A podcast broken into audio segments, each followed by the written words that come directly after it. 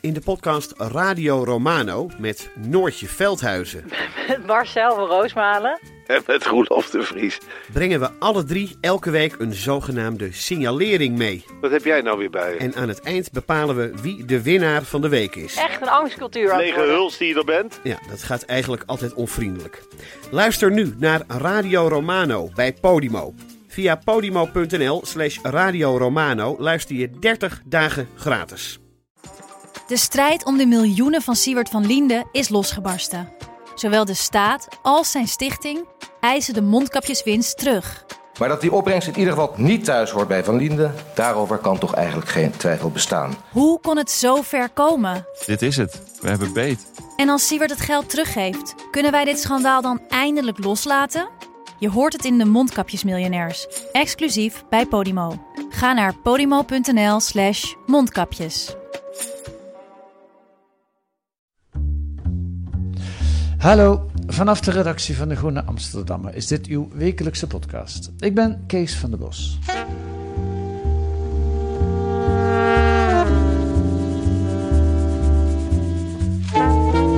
Hoe kan het dat de GGD'en van Nederland pas vorige week starten met grootschalig bron- en contactonderzoek? Ze wisten maanden geleden al dat dat moest gebeuren. En andere landen in Europa zijn er al veel langer mee bezig. Kunnen de GGD'en die bergwerk wel aan? Ofwel heeft Nederland een goede landelijke structuur om epidemieën te bestrijden? Ik kan nu vast verklappen, die hebben we niet. Hoe erg het is en waarom we die niet hebben, dat onderzoeken Koen van der Ven, Carlijn Kuipers en Emiel Woutersen deze week in De Groene. En Carlijn en Emiel zijn vandaag te gast in de podcast. Welkom allebei. Dankjewel. Ehm, vaste krachten zijn jullie, tenminste eh, van eh, eh, Investico, allebei hè? Eh, hoe gaat het met Investico? Carlijn, kijk maar naar jou. Ja, het gaat goed. We hebben het eh, hartstikke druk met corona. Ja?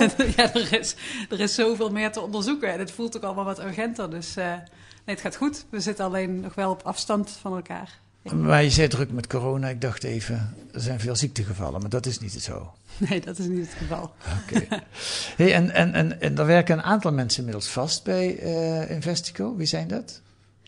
Ehm, Jeroen, de hoofdredacteur, die werkt al een tijdje vast. Ja. Ehm, Thomas, eh, Emiel, Belia en ikzelf. Nou, ja. Ja, Dus dat is eigenlijk ook een teken dat het goed gaat met Investico. Dat je, je de mensen vast in dienst kunnen nemen. zeker. Zeker. Ja, Daar zijn ja. we heel blij mee. Goed, en jullie zijn hoofdleverancier voor de Groene eh, Amsterdammer. Voor meerdere bronnen, maar onder andere voor de Groene Amsterdammer. Ehm, wacht, laten we beginnen met dit onderwerp, de GGD'en, met de, wat minister De Jonge daarover zei op de persconferentie van 6 mei. Of eigenlijk, laat ik iets horen, hij zei het ook op de conferentie van 6 mei, maar op 5 mei zei hij het al eh, tegen NOS als volgt. Luister. GGD spelen een hele belangrijke rol. Eh, want als je iemand test en iemand blijkt positief te zijn, ja, dat betekent ook dat je vervolgens moet weten met wie heeft hij allemaal contact gehad in de afgelopen tijd. Dat is het contactonderzoek. Dat is altijd het werk van de GGD. En dat is ook nu het werk van de GGD. Dus naast het afnemen van de testen bijvoorbeeld bij de zorgmedewerkers, eh, doen zij ook contactonderzoek op het moment dat er een positieve uitslag is. Met wie heeft iemand allemaal contact gehad? En dat contactonderzoek, dat blijft men doen. Dus we breiden steeds meer het aantal personen dat we testen uit. En dus moet ook de GGD klaarstaan voor het bron- en contactonderzoek. En dat zijn ze. Belangrijk is om te weten welke datum dit was, hè? 5 mei. Dus toen was duidelijk dat de app eh, niet zou gaan werken. Eh, maar het gaat goed, de GGD's. eh, ja, ik zeg GGD's, jullie zeggen GGD'en. Mag allebei volgens mij, hè? Van ons wel. ja, volgens de, de Vandalen, Nederlandse taal mag het ook allebei. hè. Ik heb het even wij niet eens opgezocht. Ik vond GGD ging zo tegen mijn gevoel in. Maar Ik dacht gezondheidsdiensten. Dus Ja. dan GGD'en. Ja. Maar ja. Goed, maar ze staan er klaar voor. Niks aan de hand. Klopt dat? ja, dat vernamen de GGD zelf ook via de persconferentie. Is dat zo? nou, ehm, wat, wat uit ons onderzoek is gebleken, is dat vanaf begin april echt al duidelijk was dat GGD'en zich moesten gaan voorbereiden op dat grootschalige bron- en contactonderzoek. Ja. Maar dat ze eigenlijk een maand hebben moeten wachten op instructies van het ministerie en het RIVM. eh, omdat ze hadden niet de informatie om zich te kunnen voorbereiden, zeiden ze. Dus het- Eh, Wat voor informatie moet je daarvoor hebben? Ik denk als leek, ja, je weet, er gaat een enorm bergwerk op je afkomen, dan weet je het wel ongeveer. Het waren eigenlijk meerdere dingen. Het was, um, van het RIVM hadden ze de richtlijn nodig over hoe dat bron- en contactonderzoek eruit zou gaan zien. Dus of ze iedereen moesten bellen of een brief sturen. Het maakt best wel uit in ja. hoeveel tijd het kost. Ja. Van het ministerie moesten ze weten hoeveel er getest zou worden. Want dat is ook van invloed op hoeveel bron- en contactonderzoek je gaat doen. Ja. En ze moesten weten of ze het geld wel terug zouden krijgen. Um, want GGD'en zijn, worden gefinancierd door de gemeente. Die hebben al enorme tekorten. GGD'en hebben al heel erg moeten korten. En ze zeiden van ja, we gaan niet zomaar geld uitgeven als ze niet weten dat we het terugkrijgen. En over al die dingen was onzekerheid. Dus op het moment dat minister De Jonge dit zegt, begin mei, 5, 6 mei, is er eigenlijk nog helemaal niet zoveel geregeld. Nee. Nee, het feit, het feit, hij zegt de GGD'en zijn daar klaar voor. En dat was zeker op dat moment absoluut niet het geval. Hij vond dat de GGD'en er klaar voor moesten zijn. De boodschap was aan het Nederlandse volk: we hebben een dienst die ervoor paraat staat. Ja. Maar feitelijk klopt het eigenlijk niet. Nee, nou ja, de GGD wisten, wisten het, wat Carlijn net uh, uitlegde, eigenlijk tot dat moment helemaal niet waarvoor ze klaar moesten zijn. Ze wisten dat er iets groots aan, aan zou komen, maar hoe groot, dat, uh, dat wisten ze niet. En uh, de minister heeft de GGD niet in, niet in staat gesteld om zich voor te bereiden. En daardoor moesten ze in drie weken opeens heel erg veel mensen aannemen. En heel erg veel, ja, eigenlijk hun organisatie uitbreiden om dat bron- en contactonderzoek mogelijk te maken. Ja. ja, we kunnen laten horen hoe erg ze niet voorbereid zijn. Want wat zei minister De Jonge een maand eerder, 7 april, op ook weer een persconferentie? Normaal is het zo dat de GGD een contactonderzoek doet, uh, nagaat met wie heb je allemaal contact gehad de afgelopen periode. Maar als we de testcapaciteit heel erg gaan vergroten, en dat is wat we op dit moment aan het doen zijn, is dat natuurlijk ondoenlijk om dat allemaal te laten bemannen door de GGD. Dus daarom hebben die apps hebben we eigenlijk nodig om het normale GGD-werk te ondersteunen. En ook hier is de datum weer belangrijk. Dit was 7 april. Dat was een week voor uh, de Appathon. En toen dacht uh, met name minister De Jonge nog dat er een ontzettend fantastische app aan zou zitten te komen die de GGD zou ontlasten. En hij, zei, hij zegt hier ook letterlijk, maar goed ook, want die kunnen dat nooit aan. Ja, ja. het is nogal bijzonder, want uh, die GGD'en die waren opnieuw, die werden verrast door het hele idee van die app. Zij wisten niet dat de, dat de minister hun werk wilde verlichten met zo'n app. Ze zijn ook niet gevraagd wat ze nodig hadden. Uh, en best wel veel GGD'ers die we spraken, die hadden er best wel een hard hoofd in. Die zeiden, nou ja, ik weet niet of dat nou gaat werken. Ja. Ja, Ja. dus je ziet eigenlijk de hele tijd zie je die communicatie tussen het ministerie en de GGD'en zie je, zie je niet goed verlopen. De GGD worden steeds verrast. Um, ze zeggen we worden voor de blok gezet. Um, Ja. ja, en dat is wel een, uh, een rode draad. Nou hebben jullie de afgelopen weken met een aantal uh, GGD-directeuren en, en dokters gesproken. Um, wat is jullie beeld? Hoe ziet het er in, in het echt uit, zou ik maar zeggen? Mm, ik, denk, ik denk dat wij een beeld hebben van de GGD als een, als een toegewijde organisatie van mensen die uh, op dit moment heel hard aan het werk zijn, maar die zich ook wel structureel ondergewaardeerd voelen. Die, iemand, iemand zegt ook in het stuk, wij, wij, uh, wij doen de taken die wel heel belangrijk zijn, maar onzichtbaar blijven. En daarom staan we in niemands verkiezingsprogramma. Ja. En ik, ik denk dat dat ook een, een reden is dat we ze zo weinig horen. Dat, uh, en, en ze zijn, en dat is wel belangrijk om te benadrukken, ze zijn cruciaal voor het beleid van de overheid. Zeg maar, dat bron- en contactonderzoek, dat is een van de voorwaarden van het RIVM voor het versoepelen van de coronamaatregelen. Zeg maar, dit is niet een soort kleine taak die, die theoretisch interessant is, maar het is vitaal om verdere uitbraken te voorkomen. Ja. En, uh, Ik denk ook dat ze een enorm plichtsbesef hebben. Dus uh, kijk, ze hebben wettelijk natuurlijk een taak om dit allemaal uit te voeren. Wat gaat hier gebeuren? Mensen gaan boeren. Nou ja, ga door. Ga dicht bij de microfoon, Carlijn, dat helpt. Ja.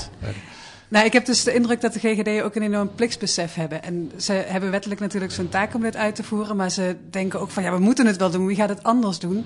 Ja. Um, en dat speelt misschien wel mee in dat ze ook niet zo snel aan de bel zullen trekken van... hé, hey, nu lukt het niet meer. Dit Nee. gaat niet meer. Nee, want jullie stuk heet ook, of elk geval staat het in, in het stuk, de ja-knikkers van de jongen.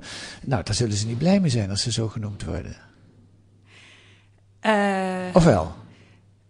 Nou ja, het is een uitspraak van een GGD-arts. Dus kijk, het is moeilijk om over de GGD als één eenheid te praten. Het zijn 25 verschillende diensten Ja. die uh, normaal best wel los van elkaar opereren. En nu omdat er een landelijke epidemie is, uh, wordt ineens de koepelorganisatie, die wordt superbelangrijk. Ja. Terwijl dat, nou, dat is gewoon een kleine vereniging. Dat is, dat is niet een organisatie die ineens een landelijke epidemieaanpak gaat leiden. En dat is wel wat ze nu aan het doen zijn. Uit jullie stuk begrijp ik dat die koepelorganisatie eigenlijk een WhatsApp-groep is. Nee, er, zit wel, er is ook een WhatsApp-groep tussen de directeuren van alle 25 GGD'en. Oké. Helaas zitten we daar niet in. Nee. Maar eh, nee, er is een, koep- een koepelorganisatie die heet GGD Goor Nederland. En, eh, GGD? ja, GOR, G-H-O-R. Dat staat voor gemeentelijke hulporganisaties. Oké. Ehm, eh, en dat, dus er is een soort, inderdaad een soort vereniging waar, waarin de GGD'en nou ja, met elkaar kunnen praten. Maar die is nooit bedoeld als, als krachtige landelijke koepelorganisatie of als lobbyorganisatie. Nee. Het is een vereniging van GGD'en. Ja. En die zijn nu naar voren geschoven om eigenlijk het gezicht van die dienst naar het hele land te zijn. Jacques de Gouw, dat is de directeur van de Leidse GGD, Hollands Midden, eh, moet ik zeggen. Eh, die is nu een beetje het gezicht van alle GGD'en. En nou ja, die zegt ook in het stuk dat eh, dat hij daardoor overvallen werd. in het Ja, begin. waardoor overvallen werd. Door, door de, de, het gewicht van die taak eigenlijk. Hij zegt eh, dat hij niet zo, eh, eh, moet ik het goed zeggen, dat hij niet zo strategisch is, zegt hij in het Hoe stuk. zei hij het nou? Ja, nou ja, in ieder geval Ja, dat. Tactisch en strategisch. Ja, precies. Hij, hij was de nestor, hij was Ja. de professor, zegt, Ja. zegt hij. En Ja. eh, hier bleek toch nog wel veel, eh, veel strategie ehm, bij te komen. En dat waren niet zijn sterkste punten, Nee. zei hij tegen ons. Maar ik denk dan, hij weet toch wel eh, dat zij, de GGD, het voorfront vormen in Nederland als het gaat om de aanpak van een pandemie. Ja, zeker. En dat voelen ze ook zo. Alleen tegelijkertijd, eh, en iedereen vindt dat ook. De minister vindt ook dat de, dat de GGD het voor de, de stoottroepen zijn, zoals iemand het En de. GGD's vinden het zelf ook, of niet? Ja, maar ze worden dus eigenlijk te weinig in staat gesteld om zich voor te bereiden op die taken die bij hen liggen. En er is de afgelopen jaren best wel flink bezuinigd op de GGD, waardoor ze ook niet voorbereid waren op zo'n epidemie. Ja. Dus ja, ze willen het wel, maar ze worden niet echt in staat gesteld om het ook echt uit te voeren. Misschien moeten we daar eens naar kijken. Ik weet niet wie van jullie twee dat gedaan heeft. Een van de twee heeft vooral de rec- reconstructie van de bezuinigingen op de GGD op een rij gezet, heb ik begrepen. Carlijn, hoor ik. Ehm, eh, neem ons eens mee. Wat, wat, hoe- hoe- waar is dat begonnen? Waar komt dat vandaan? Hoe erg is het? Ja, het begon in de jaren tachtig. Daar was alle, ellende- elke podcast begint de ellende in de jaren tachtig. Ja, in dit geval was het ehm Elko Brinkman die eh, Minister van VWS. volksgezondheid toen Ja. Ehm, die, eh, die besloot dat het Rijk niet meer zou gaan meebetalen aan de gemeentelijke zo- gezondheidsdiensten. Dus daar kwam al een grote bezuinigingsslag. Net als bij de jeugdzorg en dergelijke. Toen werd het bij de gemeente. Nou, het lag al bij de gemeente, maar het. Rijk betaalde mee. Aha, oké. En dat meebetalen, dat, eh, dat werd toen Het stopgezet. werd helemaal bij de gemeente gelegd. Toen Ja. ze het betalen. Ja, ja. Ehm, en toen in 2008 kwam er een nieuwe wet, de Wet Publieke Gezondheid. En daarmee kwamen ook meer taken voor het bestrijden van een epidemie bij de GGD te liggen. Ja. Dus, en dat betekent dat in dit geval, in het geval van corona, is de minister verantwoordelijk om de epidemie te bestrijden, maar de GGD'en moeten het allemaal uitvoeren. Ja. Ehm, de jaren daarna hebben de gemeenten verder bezuinigd op die GGD'en. Dat had ook te maken met dat gemeenten gewoon grote financiële problemen kregen, doordat ze allemaal rijkstaken over de schutting gegooid kregen. Ja. En dat heeft voor een situatie gezorgd eh, dat. Even kijken, de GGD trok in 2014 zelf al aan de, aan, de, aan de bel. Ze zeiden van we zijn niet meer voorbereid op een, op een grootschalige uitbraak. We zitten onder het waakvlamniveau. In 2015 zei het RIVM nog een keer van ja, ehm, bijna de helft van alle GGD'en zit echt ruim onder wat, wat nodig is. Ja. En er is vervolgens niks aan gedaan. En, En- ja, daarom hebben de GGD'en, staan ze ervoor zoals ze er nu voor staan. ja. En toen kwam corona. Precies. Ja. Ja, en wat misschien belangrijk is, kijk, we willen ook niet zeggen dat de, als de GGD, als er niet bezuinigd was op de GGD, dat corona dan geen probleem was geweest. Ik bedoel, het zijn denk ik twee belangrijke dingen om, om uit elkaar te halen. Maar de minister weet wel, of tenminste dat hoop ik, dat er bezuinigd is op de, op de GGD'en. En weet dus, zou dus ook moeten weten hoe hij die diensten kan gebruiken en hoe die ze ook, eh, nou ja, kan overvragen wat, eh, wat Ja, op hij dit zei het is zelf in gebeurd. april. De Ja. GGD Ja, het niet aan. Dus Nee. hij, me dunkt dat hij het weet. Ja, ja. En toen was het eigenlijk uit bijna jongensachtig enthousiasme voor die fantastische app die eraan zat te komen, waar alle problemen mee opgelost zouden worden. Maar inderdaad, hij zegt het zelf. Ja. Ehm, ik krijg uit jullie artikel het beeld dat eigenlijk iedereen dat ook wel weet. De ministers weten het, de GGD'en weten het. Maar het mag niet gezegd worden, want we moeten wel een beetje rustig blijven met z'n allen. Maar we mogen geen paniek zaaien. Klopt dat beeld? ja, we hebben ons, ik heb me persoonlijk best wel afgevraagd waarom die GGD'en niet zeggen van geef ons een heel buts mensen erbij dan, uh, en help ons om het allemaal te regelen. Ja. Maar dat gebeurt niet. En ik, misschien ook omdat ze, omdat ze geen onrust willen zaaien of zo. Of omdat ze denken van we moeten dat toch als overheden samen oplossen. Er was ook een wethouder die ons zei van ja, wie gaat het anders doen? Ja. Um, maar ik denk ook, kijk, het is heel bewonderenswaardig dat ze, dat ze met kunst en vliegwerk het allemaal weten te regelen. Maar ze moeten nog maanden door.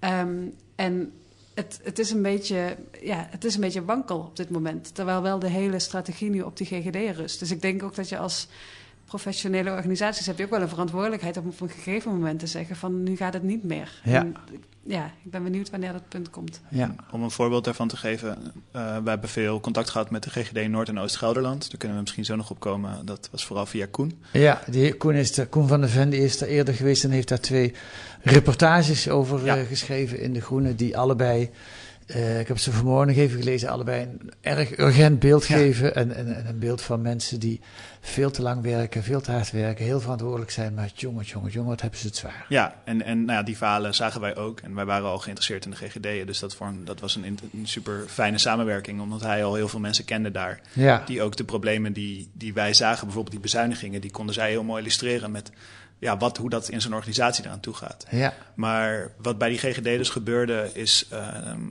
ik denk dat je nog wel weet dat er een uitbraak was in een slachthuis van Vion. Ja. En dat was in die bij regio. Apeldoorn in de ja, buurt? is ja, uh, uh, Groenlo, dus uh, bij Winterswijk. En dat, ligt in, dat ligt in hun regio. Ja. En daar moesten dus opeens 700 slachters getest worden. En er waren er 150 positief. En daar moesten de contacten van nagetrokken worden. En dat was net voordat iedereen, dat was in de week voordat iedereen getest kon worden. Dus een paar ja. weken geleden. Ja. En dat deed die organisatie eigenlijk al, nou ja, schudden in zijn voegen. Uh, er zijn twee van de zeven verpleegkundigen die zich bezighouden met, uh, met infectieziektebestrijding, die zitten overspannen thuis.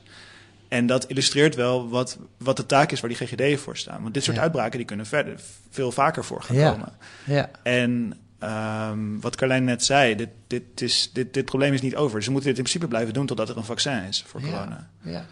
Ja. En, um, En die twee mensen die overspannen zijn, eh, hangt dat echt samen met de coronacrisis of kun je dat niet zo duidelijk zeggen? ja, volgens de, volgens de arts die ons dit vertelde wel. Die Ja. zei dat ze overspannen waren. We hebben die mensen niet zelf gesproken, Nee. moet ik erbij zeggen. Nee. nee. Ehm, ja, maar je zegt het al, dit moet nog misschien wel jaren.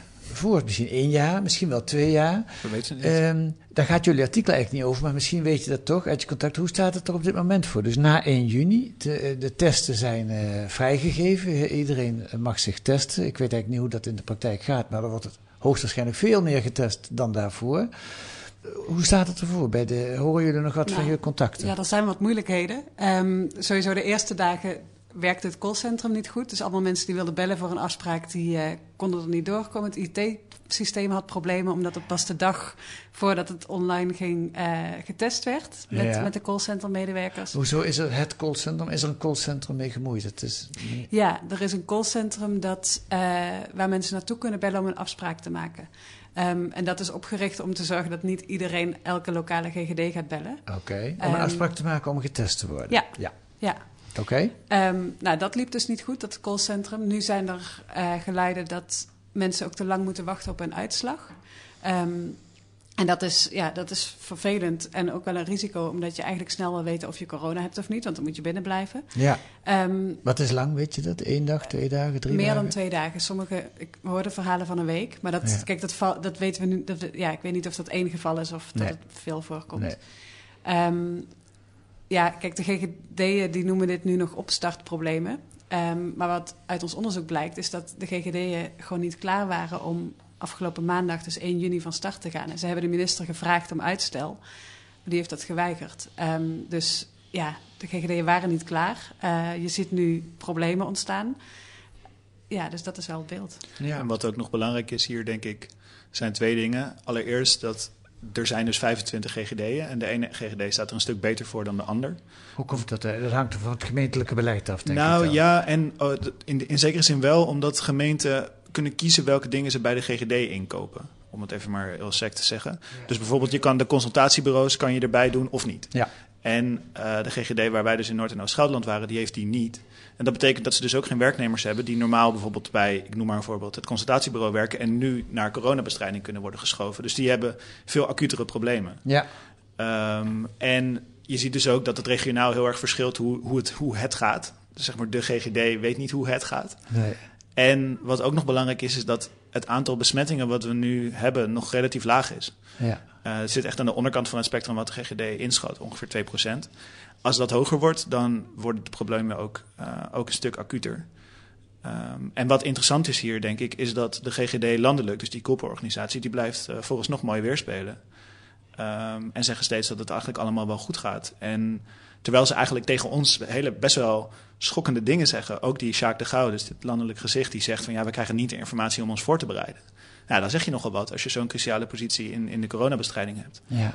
En ja, waarom dat is, dat, dat is voor ons ook een beetje gissen. Ja. Hebben jullie niet op de man af gevraagd van waarom, waarom horen we daar niet meer over? Jullie kritiek snijdt hout, waarom kwam, kom je niet naar buiten? Ja, ik zat daar, we hebben het gevraagd. Ik zit even te denken wat hij erop zei. Ja, hij zei, we, we, overleggen veel. Dus we, we spelen niet zoveel via de media. We doen het gewoon binnenskamers en Ja. in goed overleg. Ja. Ehm, het- is een groot verschil met, met hoe bijvoorbeeld de IC-artsen zich hebben opgesteld. Die zaten elke avond aan, aan praattafels op, eh, op nationale televisie. Die hebben echt gezegd, tot dit kunnen we doen en dan niet meer. Ja. En de GGD kiezen een andere strategie. Ja. Eh, die zeggen, we, we lossen het binnenkamers op. Dat is heel interessant, dat verschil. Ja. Hoe eh, zijn dat andere type persoonlijkheden? Ja, nu wordt het een beetje Dat weet je ook niet. eh, psychologie van de koude grond. Ja. Maar het is, het is wel een. eh, er leeft, wat ik van die GGD meekrijg, wel een, een, een, een, een hele grote loyaliteit en een heel groot eh, belang voor het publieke, de publieke gezondheid. Hm. Ik ken zelf geen IC-artsen, dus ik kan niets veel zeggen over de persoonlijkheid van een IC-arts. Maar ik kan me voorstellen dat, het een, dat, dat, een, dat dat een ander type mensen aantrekt in die Ja. zin. Maar of dat, ja, het speelt misschien mee, maar ik weet niet hoe, hoe belangrijk dat is. Het verschil is natuurlijk ook zo, als IC's over, overstromen, dan gaan er mensen dood die niet daar neergelegd kunnen worden. Als GGD's overstromen, dan worden mensen overspannen en dan worden zomaar bronnen contact. Nou ja, als het bron- en contactonderzoek niet goed werkt, als, als de GGD'en het niet voor elkaar krijgen om besmettingen op te sporen, dan, dan verspreidt dat virus zich sneller. Dus in die Ja. zin heeft het, het heeft wel echt, echt ook echte effecten. Niet alleen op de medewerkers van de GGD'en, maar die zijn iets minder direct zichtbaar. Iets minder acuut dan Ja. dat je op, niet op de IC terecht kunt. Ja. Oké, tot slot. Dit soort onderzoek, jullie hebben allebei ervaring met veel meer onderzoeken doen. Ehm, was dit relatief gemakkelijk? Is dit een wereld waar je makkelijk binnen bent gekomen als onderzoeksjournalist? Ja, het hielp heel erg dat Koen van der Ven al twee artikelen had geschreven over de GGD'en. Ze kenden de Groene Amsterdammer, bedoel je? Nou, en ze hadden ook wel vertrouwen dat we een, eh, een eerlijk verhaal zouden neerzetten. Ja. Ehm, Koen had gewoon twee goede artikelen geschreven en de GGD'en waren blij met dat verhaal. Ja. met die verhalen. Dus dat hielp heel erg. Ehm, en ja, uiteindelijk hebben we gewoon veel mensen gesproken en dat werkte relatief goed. Wat we nu wel merken is dat de, de deuren gaan nu dicht. Ja, Eh, nou dat bij jullie dus nog niet. Als jullie belden in de regel de afspraken die je wilde maken, kon je ook wel allemaal maken? Ja, met wat aandringen soms, maar, maar niet, niet, min, niet moeilijker dan in andere onderzoeken die ik, eh, die ik heb gedaan, denk ik. Het was niet echt supergeheime informatie die je boven tafel wilde. Nee, en het scheelt daar ook door dat je dus 25 GGD'en hebt. Dus als je ze allemaal probeert, dan, Ja. hoeven de, dan, dan dat maakt het wat makkelijker Ja. in die zin. Maar nu lijken de, de rijen zich te sluiten. Ik hoorde van jullie dat eigenlijk zou vanavond één vandaag bijvoorbeeld eh, in de uitzending daar aandacht aan besteden, naar aanleiding van jullie onderzoek. Eh, en en nou, vertel maar, wat is er gebeurd? nou, ze hadden afspraken staan met drie GGD'ers en die zijn allemaal op het laatste moment binnen een half uur tijd, hebben ze alle drie gezegd dat ze toch geen interview konden geven omdat ze geen tijd hadden. Ehm, we begrijpen ook dat GGD-directeuren nu de opdracht krijgen dat ze niet meer direct met ons mogen praten. Dus dat Ja. alles moet worden afgestemd via de koepelorganisatie. Ja. Ja, ik weet niet wat erachter zit, maar eh, zoals wij te werk gingen, gewoon GGD-directeuren bellen, dat, dat lukt nu even niet. Nee. Eh, wat denken jullie zelf? Zouden ze stiekem toch niet heel blij zijn met de GGD's, bij- met jullie stuk? Nou ja, ik, ik, ik hoop het natuurlijk. Eh, ik hoop dat, zij, dat zij voelen dat we, dat we een eerlijk verhaal van de, eh, of een eerlijk beeld van de situatie hebben gegeven. Want dat, dat denk ik wel. En ik was ook wel een beetje verwonderd door de, door de, de houding van de GGD nu. Omdat ik denk dat wij een geluid laten horen dat ze al eerder hadden moeten laten horen. En waar ze misschien best wel blij mee kunnen zijn. Wat ze, Ja. ze kunnen toch met het stuk in de hand naar de minister, bij wijze van spreken. En zeggen, kijk, ja, het- hier staat het nog een keer goed eh, overzichtelijk weergegeven. Ja. En dus ik, ik, ik hoop het. We gaan uh, aan het eind van de week wel eens uh, maar eens kijken hoe het, hoe het geland is in de, in de kringen die we hebben gesproken. Je hebt er nog geen duidelijke signalen gekregen. En de allerlaatste vraag is: zijn jullie nu zelf gerust op de aanpak van de pandemie in Nederland? nee. Gewetensvraag. Nee, eigenlijk niet. nee, ik ben best wel geschrokken. Uh, en, en heel veel hangt af van hoe, hoe, hoe het nu gaat met het virus. Zeg maar, uh, misschien hebben we nog heel veel tijd waarin de het aantal besmettingen laag blijven. En, en, en, en loopt het allemaal los. Ja. Maar, en ik ben, ik ben geen pessimistisch persoon. Maar ik, uh, nou ja, als ik nu ik zie, heb gezien hoe dit, hoe dit eraan toe gaat, maak ik me best wel zorgen of als het aantal besmettingen toeneemt. Ja, dat zou zomaar kunnen betekenen als dat bron- en contactonderzoek niet functioneert, dan moet de economie gewoon weer op slot. En dat is wel echt een probleem. Ja. Nou, en waar ik me ook zorgen om maak, is dat het, het gaat nog heel lang zo voortduren waarschijnlijk. Dit, dit is een taak die niet volgende maand voorbij is. Nee. En wat ik wel schokkend vond eigenlijk was dat de GGD hebben met hangen en wurgen geprobeerd om die deadline van 1 juni te halen van vorige week. Ja. Het was er twee dagen later in de Kamer ja. alweer beloftes van de minister van de GGD moet het sneller gaan doen. Ze moeten meer mensen gaan bellen, ze moeten meer mensen gaan testen. Dus uh, toen kwamen er weer nieuwe taken bij. En ja, er zit een grens aan wat, wat die GGD aan kunnen. Het lijkt me ook, ook, gewoon best wel zwaar als je net die deadline hebt gehaald en twee dagen later moet je weer iets nieuws. Wat ook best wel weer een grote taak is. Misschien tot slot, als, als aanvulling hier nog op, dat ze gaan de schuld krijgen als het misgaat, denk ik. En dat, dat, dat besef zagen we ook al wel een beetje bij de GGD'ers die we spraken. Dat het is, het is een hele makkelijke organisatie om schuld te geven. Juist doordat het zo decentraal en, en onzichtbaar is. Ja. En da dat zou ik heel onterecht vinden. Een hele moeilijke situatie die uh, nog net voor de deuren op slot gingen door jullie onderzocht is en uh, beschreven is in de Groene van deze week. Emiel Woutersen en Carlijn Kuipers, dankjewel voor de toelichting. Dankjewel.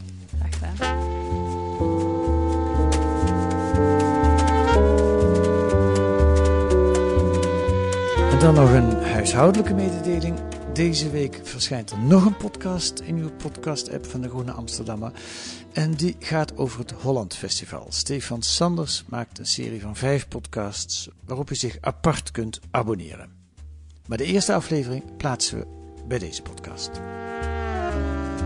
En deze week ook in De Groene veel aandacht voor de wereldwijde opstand tegen het racisme. Naar aanleiding van de dood van George Floyd. In een reportage uit Washington loopt Caspar Thomas mee met Aaron Covington, een 27-jarige IT'er en nu een van de jonge leiders van de protestbeweging. En Warda El Kadouri maakte een profiel van de Caribisch-Amerikaanse dichter en essayist Audre Lorde. Ze streed tegen racisme, seksisme en homofobie en gaf woorden aan wat onzichtbaar was voor anderen. Verplichte literatuur voor wie de woede na de dood van George Floyd wil begrijpen. Allemaal te lezen in De Groene met een abonnement of een proefabonnement. Ga dan naar groene.nl, dan leest u hoe u drie maanden De Groene kunt krijgen. Oh, groene.nl. Dan kunt u reageren op wat u allemaal hoort in deze podcast met een mail op podcast.groene.nl podcast.groene.nl U kunt ons ook sterren geven in de podcast-app, een korte recensie of zelfs kritiek, zijn we allemaal blij mee. Volgende week zijn we er weer met analyses en achtergronden bij het nieuws in deze podcast van de Groene Amsterdammer. Die deze week werd gemaakt door Daan Stoop en Kees van der Bos. En de muziek is A Tune for N van Paul van Kemenade.